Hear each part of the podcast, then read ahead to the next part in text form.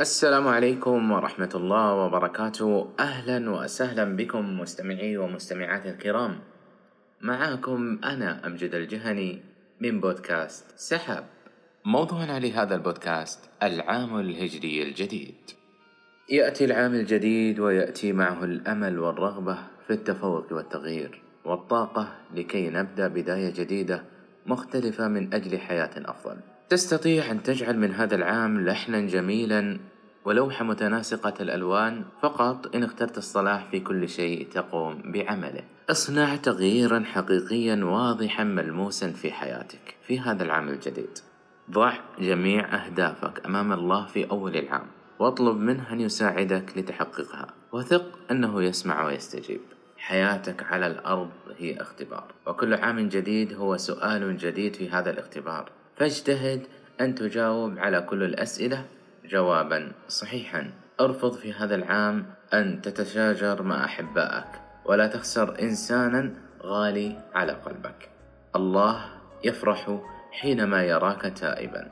فابدأ هذا العام بالتوبة الصادقة. ابدأ عامك الجديد بابتسامة تفاؤل ونظرة أمل فالخير يأتي إلينا حينما نثق أنه سيأتي. أرفض كل تفكير سلبي أو متشائم في هذا العام. فالتفاؤل يفتح في وجهك الأبواب المغلقة. في هذا العام ابتسم في وجه كل إنسان تقابله. فقد تسبب ابتسامتك في إزالة الهموم والأحزان عن بعض القلوب. حقق إنجازا جديدا في عملك هذا العام. فأنت تستطيع أن تكون متميزا. اختر لك مثلا أعلى في مجال معين. وضعه أمام عينيك في كل يوم لك في هذه الأيام من هذا العام. وحاول أن تتعلم منه ليكون لك حافزا ومشجعا في حياتك. في هذا العام ركز جدا في تصرفاتك لكي لا تكون قدوة سيئة لأحد فتفسد حياة إنسان يحبك دون أن تدري. في هذا العام لا تذهب إلى بيتك وما زال بإمكانك أن تساعد إنسان يحتاج لمساعدتك. بل أعطي الأولوية لعمل الخير مع الجميع. كن قدوة صالحة في هذا العام لكل إنسان تقابله في حياتك. في الكلام في التصرف في الأخلاق الحميدة وحتى في الأفعال الصالحة. في هذا العام غير نظرتك لكل شيء حولك.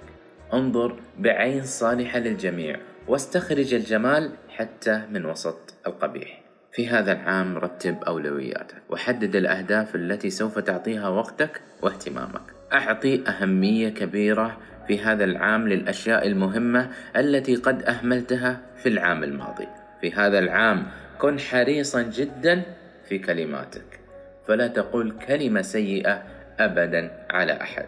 تدرب في هذا العام ألا تكون سببا في نقل الأخبار الخاصة لإنسان ما إلى إنسان آخر بل حافظ على خصوصية الناس مثلما تحب أن يحافظ الناس على خصوصيتك. كن في هذا العام مشجعا للجميع.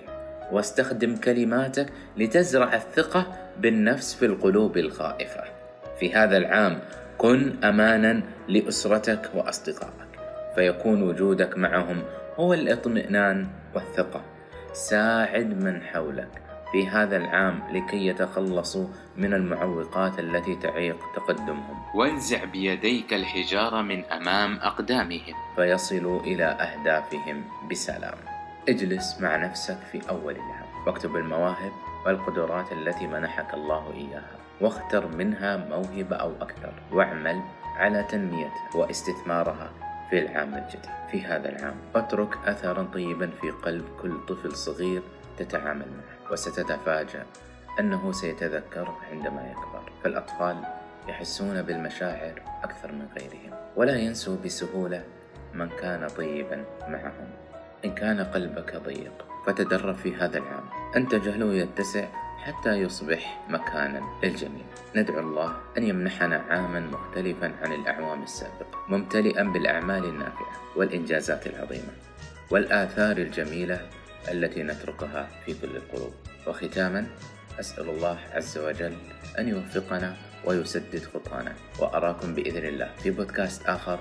والسلام عليكم ورحمة الله وبركاته.